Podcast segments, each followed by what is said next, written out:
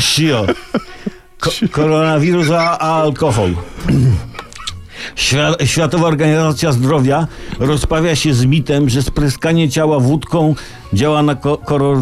Tak. Teraz mi mówią, no właśnie, no podobno woda nie działa. I patrzcie, co zaszuja ten koronowany wirus. Nie dość, że zaraża, nie dość, że groźny, nie dość, że paraliżuje życie, to jeszcze, to jeszcze abstynent. No, nic dziwnego, że taka ciężka jest z nim walka. No, łatwo takiego wirusa rozpoznać w sumie, bo to jest ten, co na weselu siedzi trzeźwy i ponury i z wyrzutem, z wyrzutem patrzy na rozbawione towarzystwo i ma koszulę w spodniach.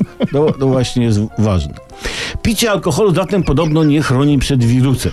Wysokoprocentowy alkohol jest natomiast dobrym środkiem dezynfekującym, twierdzi Światowa Organizacja Zdrowia, zaprzeczając sama sobie. Nie?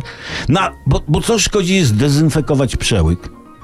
to powinno zatrzymać wirusa albo nawet dwóch wirusów. No okej, okej, może picie gorzały nie chroni przed wirusem, ale pozwala o nim zapomnieć, szczególnie podczas kwarantanny. Jak donosi prasa, tutaj następny motyw, gdzie, gdzie niegdzie zaczyna brakować papieru toaletowego.